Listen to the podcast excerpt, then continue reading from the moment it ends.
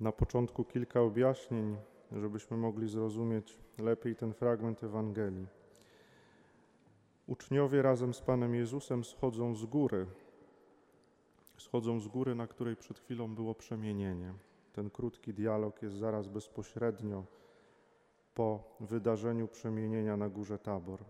I jak dobrze pamiętamy opis tego wydarzenia, to wiemy, że wraz z przemienionym Chrystusem uczniowie ujrzeli Mojżesza i Eliasza.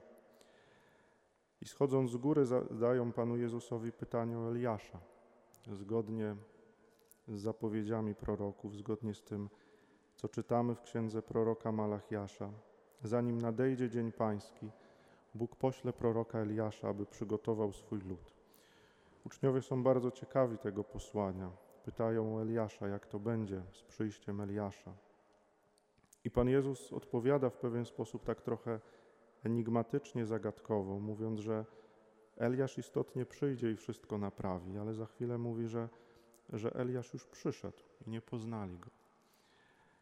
Eliasz istotnie przyjdzie i wszystko naprawi, zanim nadejdzie dzień pański, zanim Mesjasz przyjdzie w chwale na końcu czasów. Ale jednocześnie Eliasz już przyszedł przed tym pierwszym przyjściem Chrystusa, przed przyjściem w ciele, przed narodzinami na ziemi i nie został rozpoznany.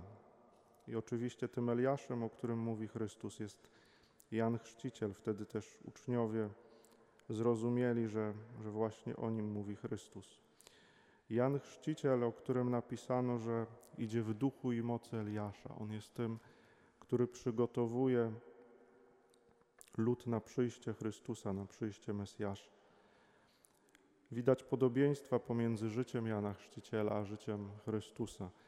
Jan Chrzciciel rodzi się z Elżbiety, z kobiety w podeszłym wieku i niepłodnej.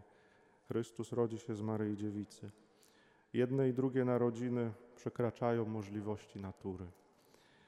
Jan Chrzciciel jest tym, który wzywa do nawrócenia, który głosi, że blisko jest Królestwo Boże, który mówi o tym, że przyszedł baranek Boży. Chrystus jest tym, który również wzywa do nawrócenia, mówiąc, że Królestwo Boże już nadeszło. Jan Chrzciciel jest tym, który zostaje niesłusznie który zostaje niesprawiedliwie osądzony i niesprawiedliwa jest Jego śmierć. Podobnie jest z Chrystusem, Jego śmierć i wyrok jest również niesprawiedliwy. Jan Chrzciciel jest właśnie tym, który zapowiada przyjście Mesjasza, który zapowiada przyjście Chrystusa, ale jednocześnie też nie został rozpoznany.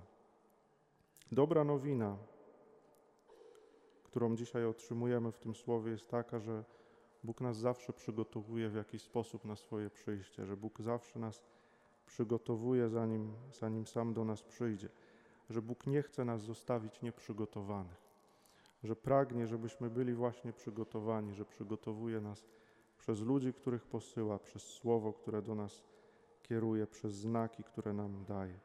Bóg pragnie, żebyśmy byli przygotowani. I oczywiście znajdziemy w Ewangelii takie fragmenty, w których Jezus wzywa nas do czuwania, wzywa nas do tego, żebyśmy e, byli czujni, bo nie znamy dnia ani godziny.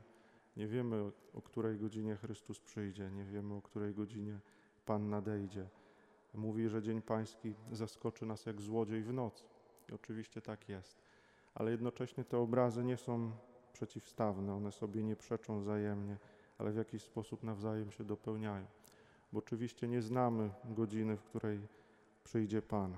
Czuwamy i przygotowujemy się na Jego przyjście, ale jednocześnie jest też tak, że Pan Bóg nas na to przyjście przygotowuje i pragnie nas zastać przygotowanymi.